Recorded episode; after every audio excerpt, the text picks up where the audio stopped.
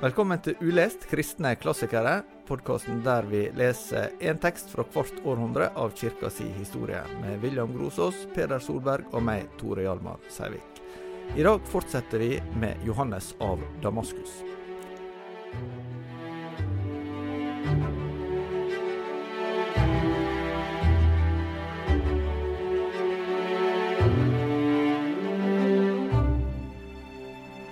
Forholdet mellom ikon og idol er noe av det som vi var inne på i forrige episode.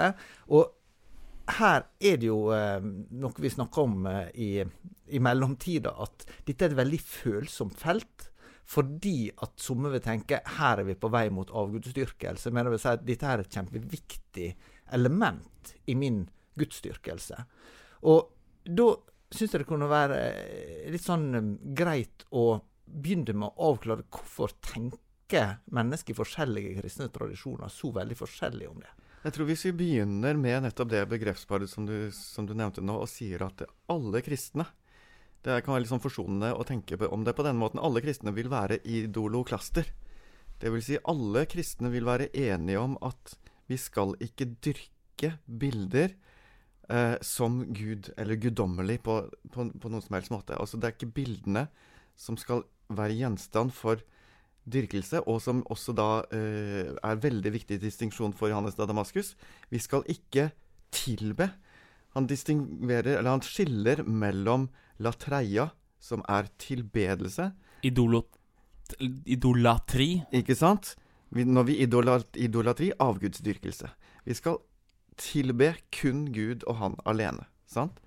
Men vi viser ære det vil si, det er ikke det samme som tilbedelse, men vi viser ære til, til altså Det kan vi si vi altså Jeg husker en sånn historie som gjorde veldig inntrykk på meg, av kong Olav, som fortalte Han var på sånn eh, ferd rundt omkring i Norge et sted, så var det en som som hadde veldig respekt for kongen helt fra hans far, som hadde sett faren hans da han var liten, og som idet kong Olav kom forbi, så bare bøyde han hodet. Han turte ikke å si Altså, kongen skal du ikke se inn i øynene.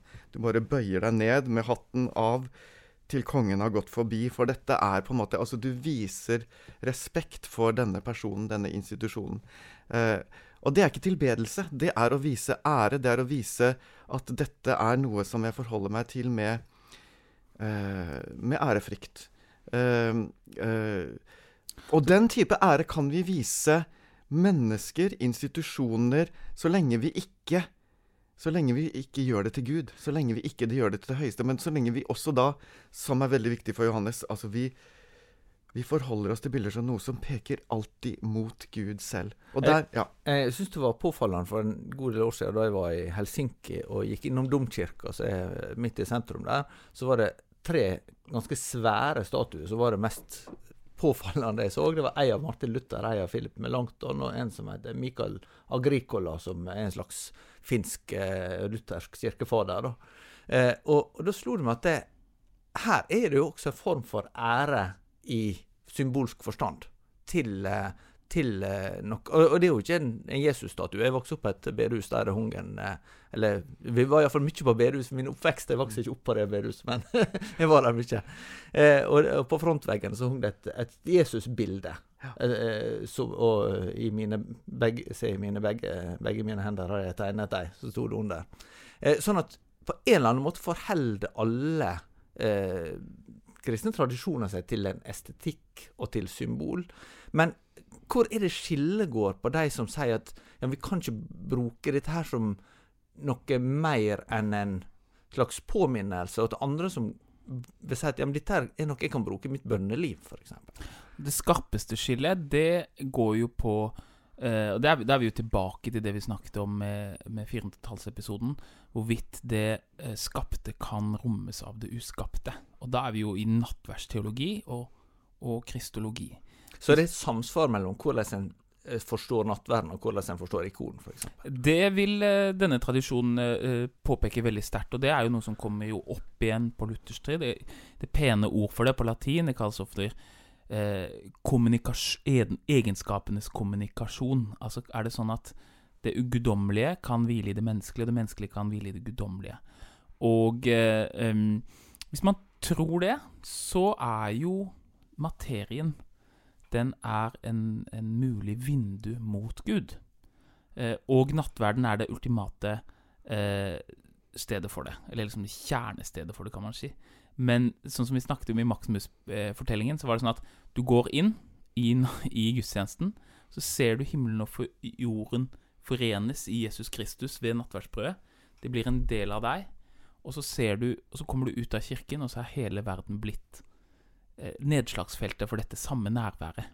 Så da er eh, også Og, og derfor så, så, så er eh, hele den ortodokse tankegangen med at det å knele, løfte hender, korse seg, kysse ting ikke sant? Jeg syns det er godt det å kysse Bibelen. Ikke fordi Tilbør du en bok? Nei. Men den boken, den eh, viser meg Jesus som frelser meg. Jeg kysser gjerne et kors. Ja, kysser du torturredskaper, ikke sant? Nei. Men ved det korset Jeg tilber ikke korset. Jeg tilber Kristus på korset, som er Gud. Men jeg ærer korset. Hvorfor det? Fordi ved det frelste Gud meg og tilga meg alle mine synder. Derfor så, så hele den Det som er liksom faren som Johannes Damaskus ser, da, som liksom fins der kanskje i horisonten, og som, som oppstår med, med, med Konstantin den femte, det er at du, at du sier at ok, hvor er Gud? Han er når du lukker øynene veldig hardt på et bønnemøte og tenker på han. Men er det sant? Ja, han er der også. Men, men, eh, men Gud har skapt meg med en kropp til å erfare Gud med min kropp, og Gud ble kropp for meg. Og jeg tror at uh, det er noe med hvordan vi oppfatter tingene i dag, som handler, tror jeg, litt også om at vi på ganske ubevisst er prega av opplysningstid, rasjonalisme, modernisme. Uh, vi kan sette masse begreper på det, men altså det som har prega vår kultur de siste 200-300 årene, som er veldig rasjonell, hadde jeg nær sagt, og hvor vi f.eks. tenker at når vi hører ordet symbol, det er bare et symbol. Ja, bare et symbol? Hva mener du med det? Altså, Bare det i, i gammel gresk kultur, så vil man tenke Nei, men et symbol er noe som Hva ligger i ordet? Jo, det samler deg. Det samler Det kaster sammen, betyr det egentlig, ikke sant? Det motsatte av symbol, diabol. Det er noe som sprer. Et symbol er noe som samler tankene dine, som hjelper deg å fokusere. Og det representerer en realitet. Altså, vi har en sånn uh, så, så, det symbolske er guddommelig, og det diabolske er djevelsk? Ja, kan jeg nesten si. ja det symbolske er dom... Ikke sant? Altså, så, det, så, så i, vi har helt andre måter å tenke om begreper, og dermed også om metaforer, om bilder. At, at en metafor og et bilde kan være sant. Det er liksom Hæ? Nei, etter, etter liksom rasjonalismen så tenker vi liksom det er sant. Det er det som du liksom vitenskapelig kan sette på men altså, sånn tenkte ikke mennesker før. Og det, det gjaldt på en måte alle, egentlig. Det er spørsmålet om, øh, om, om øh, andre forståelser av virkeligheten, der vi, der vi forholder oss til, til, sannhet som noe som viser oss noe som er sant. Ikke nødvendigvis at det, liksom, det kan vitenskapelig deles opp i komponenter som liksom hver for seg. Nei, her samler det meg peker mot noe som, som, som, uh, som forteller noe sant om virkeligheten. Og, og, apropos det som uh, William snakka om altså, Jeg fikk nesten et sitat av, uh, av, Johannes av Damaskus i, i um, tankene når du, når du snakka, fordi han skriver et sted Altså, jeg tilber ikke materien, men jeg tilber Gud i materien, som ble materie for min skyld, og som nedlot seg til å ta bolig i materien og som gjennom denne materien virket min frelse. Så når jeg kysser korset, så kysser jeg jo ikke alt det det representerte for romerne. For for romerne var det et tortursymbol. For de kristne var det et frelsessymbol. Og da er det noe annet. Det er, ikke, det er ikke den samme tingen lenger, fordi den peker mot det som jeg Den Kristus som jeg ærer. Og da kan romerne tenke hva de vil om, om hva dette er for noe. For meg er dette noe som viser meg Kristus. Men det er klart, du har jo to bevegelser her. Du har en folkelig bevegelse hvor disse tingene kan gå litt over stokk og stein. Og det kan bli litt sånn eh, Det kan bli overtroiske elementer knytta til det som er problematiske. Og så har du sånne som Johans av Damaskus, og så vil mer sånn kyniske eh, eh historikere. Det vil si, ja, Johannes av Damaskus skrev det, men hvordan hva fungerte det virkelig i praksis? I realiteten var det bare De forholdt seg til det som som liksom avguden min i kroken, liksom. Eh, eh, ingen av de tingene er helt rett, men det vil alltid være en slags balans, eller en slags sånn spenning mellom mellom bruk og mellom liksom teologiens rette svar. Men det er farlig hvis teologien på en måte skal presse ned liksom Det er jo det ikke sant vi, Nå, jo, nå snakker vi om liksom synet på samer ikke sant, og samisk spiritualitet. Og, og noen har foreslått at vi kanskje skal begynne å, å, å se på Ja, kan det være at det fins ressurser i den kristne tradisjonen som kan hjelpe oss ikke til å liksom, ta inn hedenske eh, liksom, skikker fra samene, men som på en måte kan bygge bro, som kan på en måte døpe det, på en måte, og ikke bare avvise det. For en av de tingene vi kanskje har sett i sånne situasjoner, det er at man bare har Istedenfor å ta det opp i kristendommen og si her fins det et noe. ikke sant? F.eks. den dype samklangen med naturen som du kan finne i samisk Jeg kan ikke mye om dette, så jeg burde ikke egentlig snakke om dette. Men dette er jo noe som det fins ressurser i den kristne teologien til å ta opp i seg. Men faren med sånn rasjonalistisk ovenifra og ned-holdning til hva skal jeg si, folkereligiøsitet, det er liksom Du presser ned smale kategorier som er utvikla i København, på et skrivebord. Sånn er ikke Gud. Og så er det sånn Den spenningen må, fin må finnes. Eh, og det er jo samme som forholdet mellom Kanskje i våre virkeligheter så kan vi snakke om Vi hører om om, eh, om, mirakler. Vi hører om mennesker som har gjort erfaringer av Gud, og så kan man sitte på skrivebordet og være skeptisk til om teolog. Og så er det sånn, ja, teologien skal selvfølgelig korrigere erfaringen, men den kan ikke presse en tvangstrøye på disse tingene, fordi eh, og, og, og, det gjelder hvordan man forholdt seg til ikonene og relikvier og sånt i Reolskirken. Det er en fare der. Makten som skal liksom stå Og jeg mener også det bør gjelde oss i møte med hva skal jeg si, også hva skal jeg si, eh, pinsekarismatikk. Eh, vi skal være kritiske til alle ting, men, men eh, det fins en, en, en, bevegelse og motbevegelse der. Man kan si bevegelsen mellom eh, sentrum og periferi i kirken. Så er spørsmålet hva er sentrum og er periferi? Eller man kan si spørsmålet om det folkelige og det, det intellektuelle. Og kirken mister kraft når den ikke har den spenningen.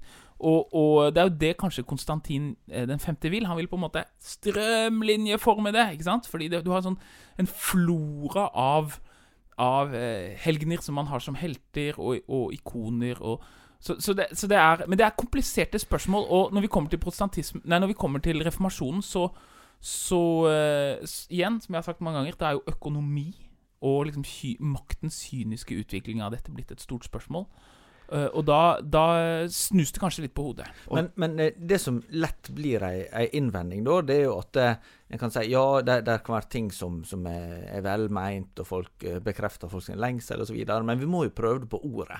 Uh, vi må se hva Bibelen faktisk hva, hva, veiledning den gir for det kristne livet. Og, og, og så, Det står jo ingenting om at Eh, Paulus og, og Peter og Johannes osv. Eh, hadde noen slags form for avbildning som de brukte i sin tilbedelse. og sånn. Dette er noe som har kommet på seinere, og da har på en måte en begynt å innføre andre slags hjelpemiddel eller sånn, som veldig fort ble misbrukt. Ja, det er sant, men det står at Paulus sitt tørkle helbredet.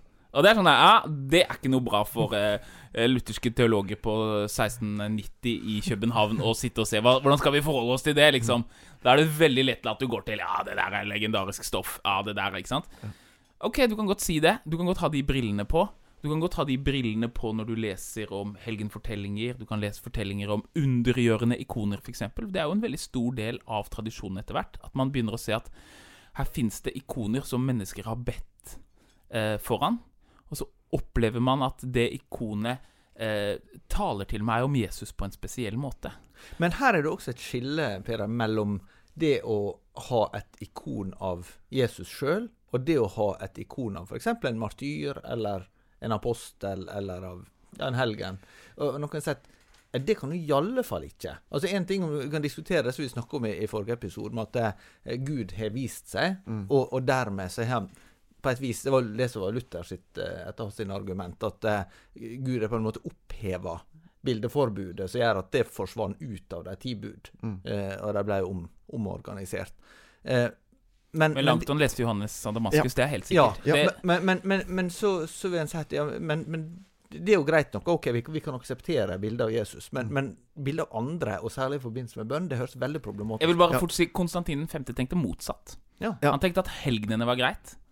Altså han som var eh, Mm. Men at Jesus ikke var greit. Mens i etter reformasjonen så ønsker man jo å tydeliggjøre det kristologiske. Og det er også noe man har gjort i eh, andre Vatikankonsil, f.eks., hvor man ble veldig opptatt av å si at eh, alle gangene vi feirer det som i gamle dager ble kalt Mariafester, er Kristusfester, og alle, alle martyrikoner er Kristusikoner. Så det, det fins en viktig sånn eh, eh, eh, jeg vil ikke kalle det drenering, men en, en samling der. Og det, er, det, det kan jo være trusselen, og da er vi ja. Ja, altså, altså det, men du er inne på det, for vi, vi snakka om, om Maria i en tidligere episode og, altså, I den grad dette kommer i veien for Jesus Og det er jo der liksom den, denne sensitiviteten kan vi si da, for avgudsdyrkelse alltid er der i kristen tradisjon som en vi kan si en nødvendig kritikk. Og det er en god sammenligning med, med helbredelser også. sant? At det er på et eller annet tidspunkt kan man komme til en stor kristen forsamling bare fordi at her har jeg hørt rykter om helbredelse. Er det Gud du søker, eller hva er det for noe? ikke sant? Og det som, Hvis vi skal ta de hellige helgenene, hva, hvor kommer de fra? Og det er martyrene. Hva er det som gjør at de blir så viktige i kristen tradisjon? Det er fordi de dør en død i etterfølgelse av Kristus. Og de er Hva er martyrene? De er piler som peker mot Jesus. Sant? Så det, hva er det som gjør det viktig? Det er ikke det at det var liksom den store Peter eller Paulus, men de var vitner om sin Herre og Mester Jesus Kristus, og dermed så ble livet deres også et vitne som gjør at det er ikke bare Jesus som er Hva skal jeg si eh, Jesus er mer enn et forbilde. Mm. Jesus er min Gud som jeg tilber, men de som han har fått vokse i Vi snakker jo om menneskers helliggjørelse, sant, som ligner på han. De kan også inspirere og oppfordre meg, så å si, ved at jeg bare minnes på de. Ah, de kunne ligne Jesus på eh, en måte som jeg kan ha for, som forbilde. Det er det ene. Og så er det dette med bønn, sant, som, som mange også vil være skeptiske til. Og der er det litt sånn igjen dette tanken om at de kristne som har gått foran, sånn som det står i denne visjonen i Johannes' åpenbaring, de står der for Guds trone og ber for, for de som lider på jorden. Hvor lenge, Herre, skal du vente? Og det er tanken at på samme måte som jeg kan, Tore Hjalmar, i dag sliter jeg, kan du be for meg? Så kan jeg også si det samme til en som står for Guds trone allerede. For, for det er en slags Man kaller det gjerne en, sånn, en tynn hinne da, mellom, mellom eh, de som har gått foran oss, og oss som fortsatt er den stridende kirke på jorden, som man sier. Så, så For meg det- som lutheraner er det, er det veldig viktig poeng, dette fellesskapet mellom den himmelske og den, og den jordiske menigheten. Og jeg tror ofte mange lutheranere ikke er klar over at i vår lutherske liturgi eksempel, så synger vi om det hver eneste søndag. Sammen med menigheten i himmelen og på jorden. Og jeg som lutheraner, jeg vil jo Jeg kan godt si at de er mine venner, og at vi har fellesskap rundt nattverdsbordet i Kristus. Eh, jeg syns nok kanskje eh, eh, det er unødvendig å drive og, og, og be de om ting, for å si det sånn. Det er min, det er min lutherske posisjon. Men, men jeg tror at når vi leser Oldkirkens tekster på dette, så Det vi Jeg mener i hvert fall vi kan være enige om, eller vi bør være enige om, det er jo dette at vi har jo i det minste et fellesskap. Altså I Jesus er går i dag den samme ja til evig tid, og det kan høres provoserende for folk. Uh, og, eh, men en, en, en viktig ting når man skal forstå forskjellen på et bilde av et menneske og et ikon, det er jo denne glorien. Hva er det glorien symboliserer? Et ikon er ikke et avbildning av noe som har skjedd i tiden. Nei, for, for noe av det som er påfallende når en ser på et ikon, at det er en, en som er opptatt av at noe skal være presist gjengitt, litt som et fotografi. For her er jo flere ting som er helt feil. Så, ta, eh, ta et kjent bilde. Caravaggio han er jo en stor kunstner i renessansen på 1500-tallet. Et av hans mest kjente bilder det er jo Paulus som faller av hesten. Så Man kan se for seg det bildet inni seg. Paulus som rir, og så faller han av hesten, og så er han blitt blind, og så liksom ser han oppover, og så er det sånn fantastisk eh, eh, komposisjon med liksom å bruke mørket. Og hva er det det avbilder? En historisk hendelse. Paulus som faller av hesten. Og det er ikke et ikon. Det er ikke et ikon. Fordi et ikon avbilder ikke personen i tiden, men personen fullkommengjort i Kristus. Så det vil si at hvis jeg skulle blitt en martyr, så hadde man kunnet lage et ikon av meg med en glorie. Og da er det ikke jeg som sitter her og er en synder her og nå, som avbildes. Det er meg som er blitt renset i Jesu blod. gjennom døden og er ett med Kristus. Så derfor så er det egentlig et bilde av Jesus. For jeg, i evigheten, så er jo jeg helt Jesus blitt alt i meg. Det er William som en fullkommen del av Jesu Yes. legeme. Og derfor så får du et problem mer enn Og det er kanskje det som er hoveddrivkraften bak si, ikonoklasmen, både kalvinistisk og også den lutherske skepsen. Det er jo renessansen. Fordi på, i renessansen på 300-, 1400- og 1500-tallet, så av mange ulike grunner, så får du en veldig interesse for historiske spørsmål. Du får veldig interesse kunstnerisk historie for ikke ideer, men sensuelle spørsmål. Når du ser en bilde av David, den kjente Donatello-statuen av David, som er på en måte sexy, nesten? Du kan ikke ha det som et, et objekt i en kirke. Men kirkene blir plutselig fulle av det. Hvorfor det? Fordi de rike, eh, donat, de som donerer, de vil ha dette i kirkene sine. Fordi det er vakkert. Og det er vakkert. Og det er utrolig flott. Men det er veldig Man bør være skeptisk. Og derfor i ortodoks tradisjon, f.eks., så har de ikke statuer i det hele tatt. Fordi man, man kjenner en slags sånn uro overfor eh, Ja, man kan si sensualitet, da. eh, Som, en, som et redskap i, i ikonet. Og jeg, eh, jeg kunne gjerne hatt jeg, Å ha sånn Luther-statue i kirken, det vil ikke jeg ha. Men jeg kunne gjerne hatt en, en, eh, en Luther med glorie. Altså eh, sammen med Melanchthon. For da er det ikke Luther som er sånn der grobian som liksom driver og fornærmer folk. Og da er det Luther. Det er dypest sett Kristus. Eh, så, så, um, så, så hvordan et ikon er, spiller veldig stor rolle for hvordan vi møter det. Eh, og derfor så er det ikke sånn det er ikke en, For Johans av Damaskus Her er det ikke en sånn frislipp. Det er ikke sånn der Nå kan du bare sette opp eh, Nå har jeg et lite bilde av en eh, noe, har, dere sett de her eh, Det er så morsomt meme på nettet at folk som har eh, gamle damer som har funnet et bilde av Obi-Wan Kanobi i Star Wars, og så tror de at det er Jesus, for han har langt hår og skjegg, og så liksom bøyer de seg for han og tilber han og liksom sånne ting. Og det er liksom funny, da. Ja, og, og det kan godt være altså det er mange Hvis vi hadde liksom plukka Johannes av Damaskus ut av sin egen tid og satt han inn i andre tidspunkter i kristendommens historie og sett hvordan bilder har blitt brukt, så ville han kanskje Han ville ganske sannsynlig har steila i mange sammenhenger, nettopp fordi at for han så er det, det er en type bruk av bilder som ikke bare er tillatelig, men som han også vil si er nødvendig. Men det betyr ikke at det ikke er mange bruk av bilder som ikke er bra.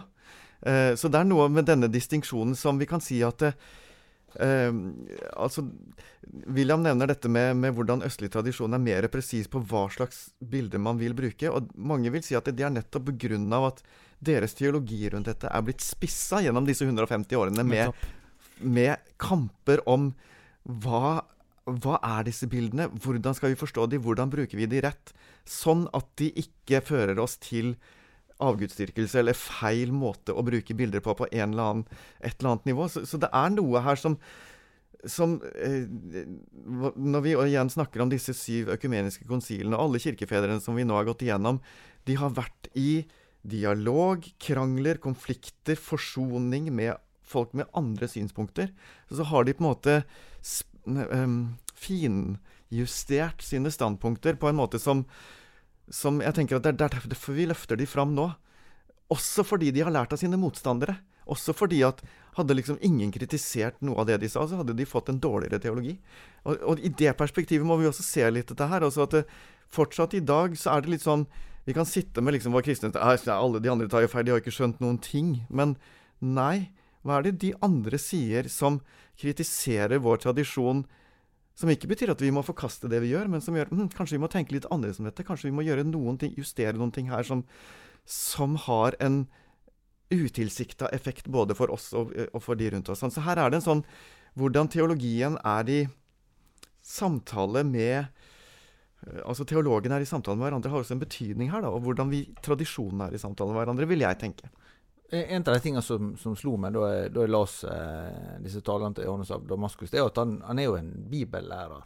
Eh, altså det, det er jo sånn at eh, det er nesten som eh, så at jeg tenker at en del kritikk av Sånn som han det at Ja, men les her Fjerde Mosebok. Det står jo to verser, sånn som jeg var inne på sist. sant? Eller les hva som står der hos Jesaja, Ja. om at de som tilber bildene, der blir liksom deg de sjøl Ja. Det er ikke sånn at han ikke visste det. Nei. Eh, eh, alle, gode, alle, alle som er ordentlig gode bibellærere, vet at du kan alltid komme med sitater. Jeg er sånn sitatmaskin. Ja. Bam, der står det bibelvers. Bam, du siterer med noen. Men det som, står på, det som er det tunge argumentet her, det er den de dype spørsmålene om hva at de, ikke sant? Først Hebrebrevet. Ingen har noen gang sett Gud, men den enbårne som er Nei, det er Johannes igjen, men eh, Ja. nå blander jeg. Har vist oss hvem han er. Ikke sant? Det er en sånn, det er en sånn dyp understrøm som du kommer i kontakt med når du gjør systematisk bibelstudier, som ikke handler om at jeg har funnet fram til et eller annet sitat. Men han siterer jo eh, Hebreerbrevet, som du ikke nå siterte. Men som, men som eh, Ikke sant? At Mange Gud har mange åpenbart seg tidligere har nettopp fedrene på tidligere nå- tider vist seg gjennom Ja, eh, men, men på i de siste tider har han han- talt til oss gjennom Sønnen. Han er den usynlige Guds Ja, ja. bilde. ikon. Ikon, ikon, ikke sant? Så, så, så dette er jo Men det er som de sier, han, han, han argumenterer og han bruker Bibelen, og det er Bibelen er den selvfølgeligste autoritet for han i dette her. Eh, så selv om Det er litt på samme måte som når, allerede på 300-tallet, når man diskuterte treenighetslære Det står jo ikke en utmeisla treenighetslære i Bibelen noe sted. Men man diskuterer hvordan kan vi unngå han nær sagt, å konkludere med at Gud er treenig ut fra det Bibelen sier, hvis vi leser den i sammenheng. Så Men, det er noe eh, av hvis- dette ja. Hvis vi da skal uh, oppsummere litt hva som er kriterier for Johannes av Damaskus Mm. for at et bilde skal være gagnbart som et ikon, kan, du si noe om det? Det Altså- fins det ikke ressurser i Nei, Johannes av men Damaskus, kan men det utvikles. Men jeg kan si én setning fra Johannes av Damaskus, nemlig at uh, hele verden er et Guds ikon. Det vil si, for han så er det sånn Du kan bruke det skapte til avgudsdyrkelse, eller du kan se Gud gjennom alt det skapte. Fordi alt det skapte er skapt ved Kristus, som det også står, ikke sant? Og dermed peker på han, sånn som det står i Johannesprologen, han kom til sitt eget, ikke bare sånn uh, sitt eget folk, men han kom til sin egen verden, sin egen skapning. Alt er skapt for å prise Gud. Alt er skapt for å tilhøre Han. Og derfor så er det også noe eh, som en sa til meg en gang Går du en tur i skogen, så spør det nærmeste bjørketreet hva kan du fortelle meg om Gud? For det bjørketreet har sin fortelling om hvem Gud er. Altså litt sånn Og det her er vi litt sånn Igjen, vi er på en måte mer i, i legende-eventyrspråket når jeg sier det på den måten, sant? Altså, eh, eh, eh, enn vi er i rasjonalismens Nei, et bjørketre, det er jo bare liksom eh, ved og, og jeg vet ikke, klorofyll, eller hva det heter. For, ikke sant? Det er ikke det. For det er også noe som forteller meg om Gud, hvis jeg er villig til å se det. Det finnes en spenning i hele den kristne teologien mellom at vi eh, må rense språket vårt, altså vi må ta bort avgudene, og at vi aktivt skal tale sant om Gud. Eh, vi har kalt det, det er sånn katafatisk og apofatisk, altså den negative og positive. Men vi kan også kalle det en, eh, en ikonskapende og en ikon en, en nedrivende funksjon. Mm. Og, og hele tiden så omgir vi oss av falske bilder av hva et menneske skal være. Du ser en reklame som forteller deg 'vær sånn', 'vær sånn'. Vi omgir oss av bilder. Og disse bildene er speil som vi speiler oss i, og som forteller oss hvem, er, hvem vi er. Når jeg ser inn i Jesu ansikt, så ser jeg hvem jeg skal bli. Jeg ser nåde. Jeg ser ikke 'du skulle ønske at du var smartere', William. Jeg skulle ønske at du var rikere, William. Jeg ser ingenting av det. Jeg ser ingenting som gjør meg misunnelig. Jeg ser et ansikt som ser meg, og som kaller på meg til å formesette det. ikke sant? Andre, Mos- ø, ø, igjen, andre Korinterbrev 5. Vi som uten slør for ansiktet, skuer inn i Herrens ansikt. Vi blir forvandlet ved Den hellige ånd. Jeg ser Jesu ansikt, og så forvandler det meg. Det skjer når jeg leser om Jesus i Skriften. Og det skjer, har mange vitnet om, når jeg ser Jesu ansikt også ikonet som et speil. Det er meg selv jeg ser. Og det som sakte, men sikkert skjer også, er at jeg Alle disse andre bildene hvis, begynner, hvis du går hjem fra jobben i morgen og begynner å se for deg hvor mange bilder, hvor mange ikoner støter du på i løpet av dag som prøver å være et speil og fortelle deg hvem du skal være. Hvilket evangelium forteller de. Ok, men da er det kanskje greit da at de barna dine har et par andre ikoner hengende rundt i huset. Et par andre helter, et par andre bilder. Nådefulle bilder. Bilder om tilgivelse, bilder om Og ikke sentimentale bilder om at liksom Jesus som liksom Som føler som altså, Det er ikke det.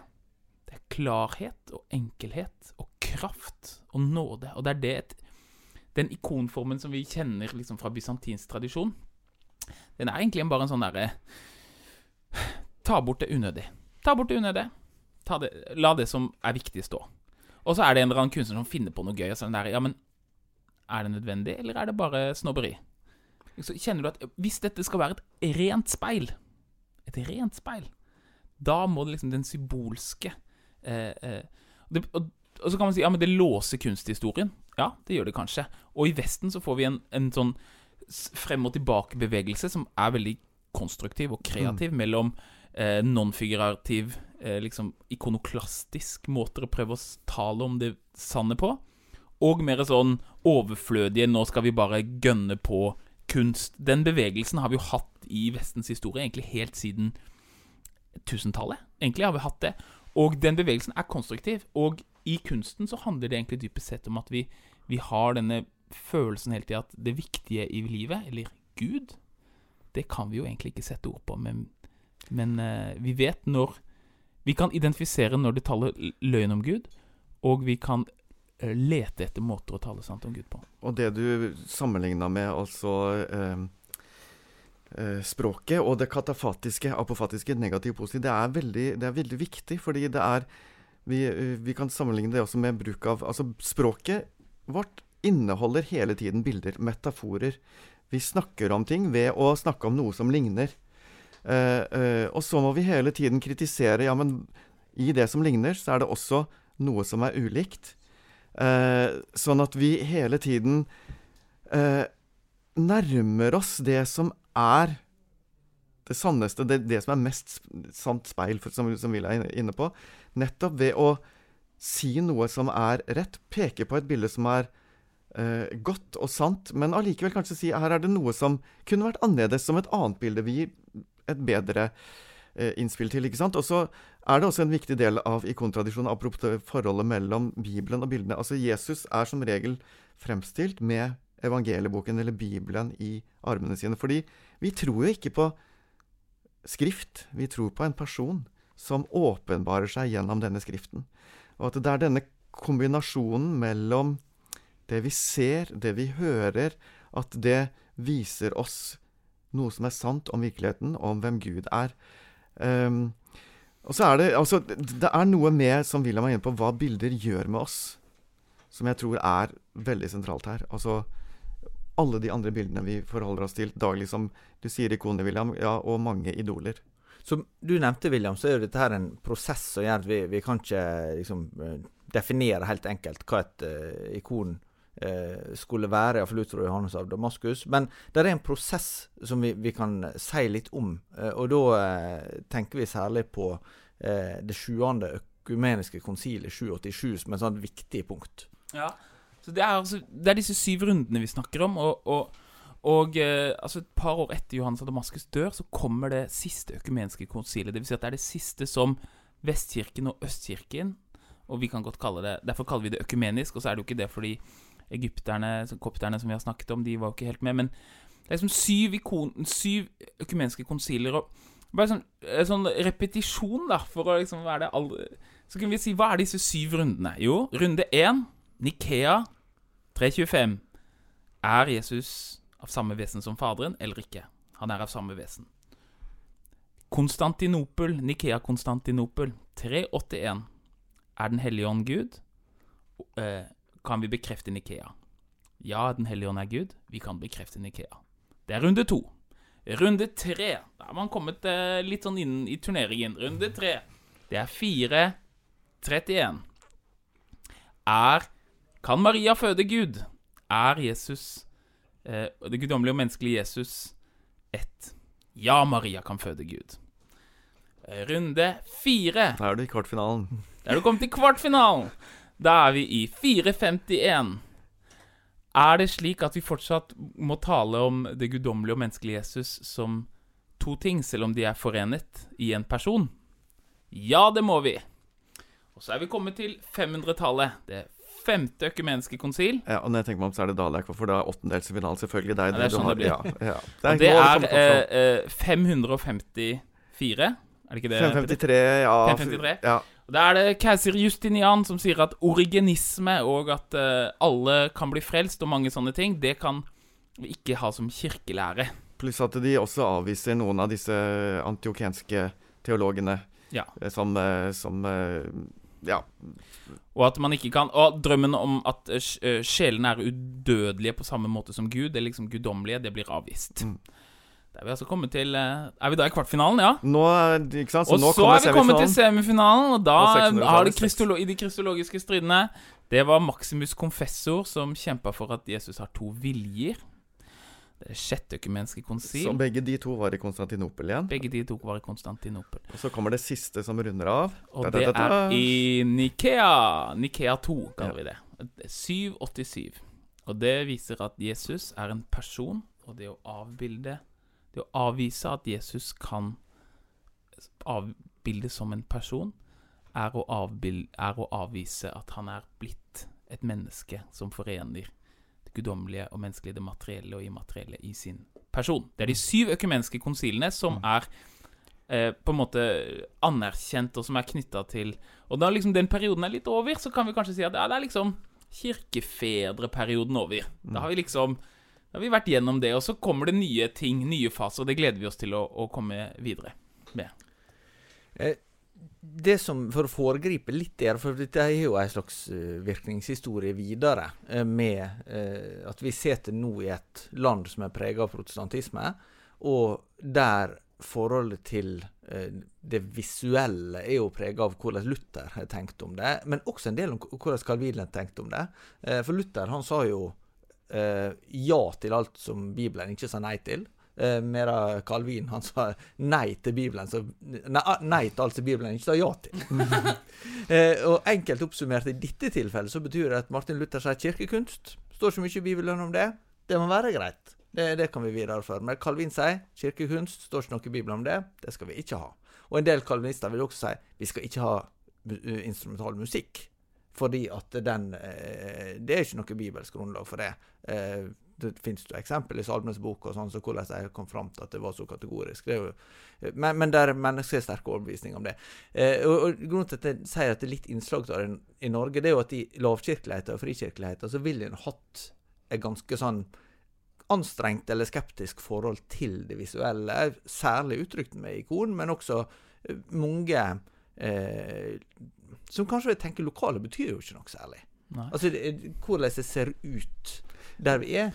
Det, det, det bør det måtte Du har kanskje en ta, stor talerstol, og ellers så, så har du egentlig minst mulig som skal fortelle deg noe. Og Så kan en diskutere om det også forteller oss noe. Nettopp for det. Istedenfor å låse oss Ja, ja. i teologisk ikke sant? Man kan tenke oss at du er kalvinist, du er lutheran. Ja. Jeg syns det er nesten mer kreativt å tenke om dette som to viktige En spenning, to viktige bevegelser som går gjennom hele kirkehistorien.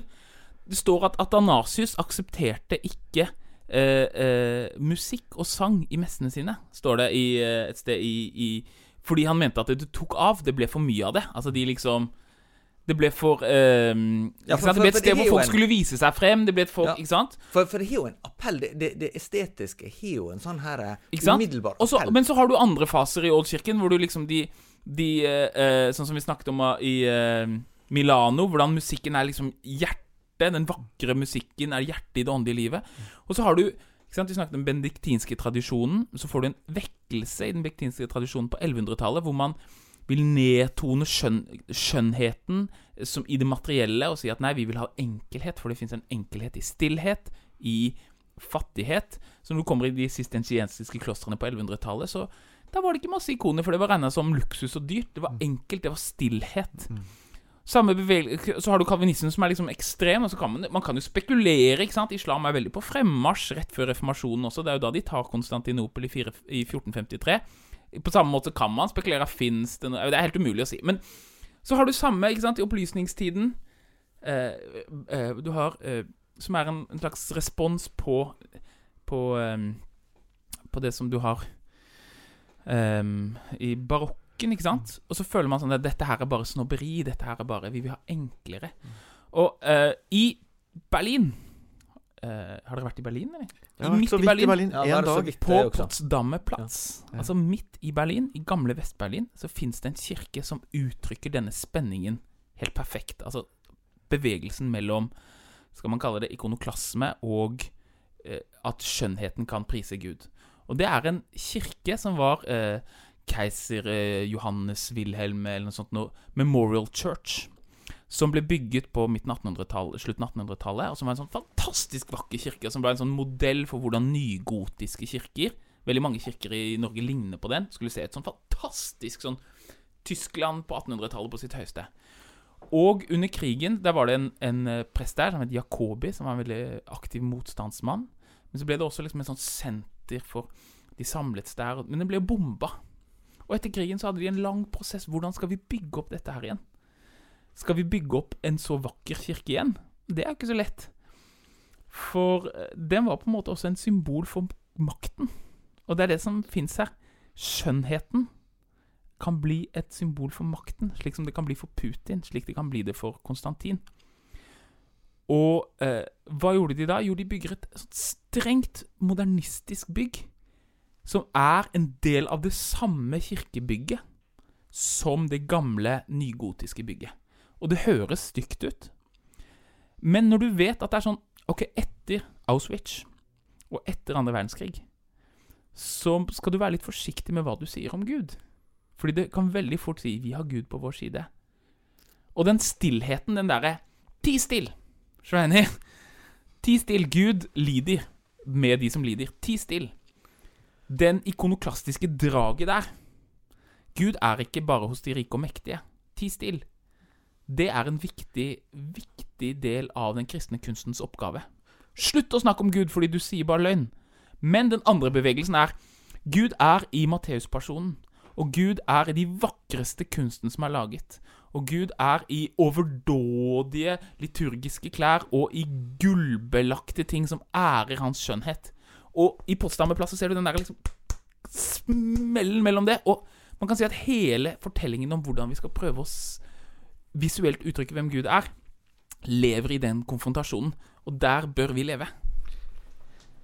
Der bør vi leve. Og, og, og, derfor så er det hele tiden sånn at den, den, type triumfalisme som vi lett kan eh, havne i i forhold til vår egen forståelse av disse tingene det er altså, La oss hele tiden uh, lytte til kritikken fra de som tenker litt annerledes om dette enn oss selv. Og fordi det som på en måte kan være antimakt i én generasjon kan bli, altså det Brutaliteten ved modernismen kan også være uttrykk for en makt. Absolutt. Ikke sant? Og, og, og, noe av det som vi For å på en måte nærme oss uh, Johannes av Damaskus på slutten igjen Arbeiderpartiets uh, kontorer på 70-tallet? Ikke sant? Så er det noe med at du kan ikke være ikke-estetisk. Du kan ikke, som du var inne på, Tori Almar, så selv et rom hvor du prøver å skrelle av alt, så forteller det også noe. Og, og, vi omgir oss med symboler. Mennesket er en symbolsk skapning. Eh, og jeg tror det er der noe av dette liksom ligger hos Johannes av Damaskus. La oss da omgi oss med de sanne symbolene, de rette symbolene, og forholde oss til dem som symboler nettopp som peker mot Gud. Hvordan syns dere samtalen om disse spørsmåla er i dag altså, Tenk seg liksom For deg, Peder, som begynte å studere teologi for vel 30 år siden. Er det noe som endrer seg vesentlig når det gjelder å diskutere dette? Jeg, tro, jeg oppfatter det sånn. Jeg, det er sånn personlig erfaring kan alltid være litt sånn Det er veldig anekdotisk, men, men jeg oppfatter det sånn. Altså, det er en større åpning i Også i norske lavkirkelige sammenhenger for å tenke eh, estetikk, symbolikk, bilder Altså Jeg husker da jeg vokste opp, uh, den store uh, diskusjonen om bruken av lysglober i Den norske kirkes uh, kirker, ja. som Martin Lønneboe egentlig starta. Svenske biskop. Svenske, ikke sant? Ja. og veldig mye sånn Altså bruk av ikon i, i bilder i Den norske kirke. Det er, det er, en annen sånn Vi kan si, vi kan litt sånn foraktelig si at det er liksom, man velger å vrake litt her og der og tar litt fra forskjellige tradisjoner. Men det er noe med en sensivitet som vi deler med hverandre på en annen måte opplever jeg nå enn for 30 år siden. Ja. Jeg kom også over en lysglobe på et bedehus på Sunnmøre nå. Ja, tenk på det. Nei, jeg føler jo også at den største trusselen i vår tid, det er jo kanskje det man kan kalle pragmatikken. Ja. Altså det her at man egentlig ikke tenker over det. Mm. Jeg, jeg, jeg, har venner som av, vil av, ikke vil ha ikoner, og avviser det på teologisk grunnlag. Og, og jeg forstår det, eller jeg kan forstå argumentene, eh, og, og, sånne ting. Um, det jeg på en måte er mer urolig for, det er hvis vi ikke innser at dette er teologi. Altså Vi vil ikke engang la det være et teologisk spørsmål. Mm. Vi stiller oss heller spørsmål sånne ting som, som hvilke stoler er lettest å flytte, og hvordan er det lettest å varme opp huset, og, og eh, eh, det er så innmari greit, for da kan vi, ha, da kan vi leie kirkerommet ut til, til en, en hinduistisk seremoni i helga, og så kan vi ha, kan vi ha eh, nattverdsgudstjeneste på morgenene. Ja, Gud er ikke i materien, men hvordan vi forholder oss til materien, hvordan vi forholder oss til de fysiske tingene vi har rundt oss, det spiller tilbake på oss. Og hvis det er pragmatikken, altså det, kan, det som er mest økonomisk, eller det som er mest effektivt, som, eh, som får siste ordet, så vil de fysiske tingene utarme oss. Og det er, ikke sant, det er et Churchill-sitat. Vi bygger Vi bygger bygg i vårt bilde, og så former byggene oss i sitt bilde etterpå. Og det samme kan du si om bildene vi lager. Mm. Eh, de ikonene vi henger rundt. Vi, vi lager kunst i vårt bilde, og så lager den kunsten eller de fysiske tingene vi omgir oss med, oss i sitt bilde etterpå. Så, så det er den pragmatikken som jeg syns er mer truende enn enn en eh, Hva skal jeg si eh, de, de teologiske på en måte misforståelsene som også kan finnes, da. Der er noe å tenke på til neste uke. Du har hørt en episode av Ulest kristne klassikere, en teologipodkast fra NLA Høgskolen og avisa Dagen. Har du spørsmål eller tilbakemeldinger til oss, så vil vi gjerne høre fra deg. Vi har hørt fra noen, og vi kommer tilbake til flere tre spørsmål etter hvert. Da kan du sende en mail til tore.krøllalfa.dagen.no.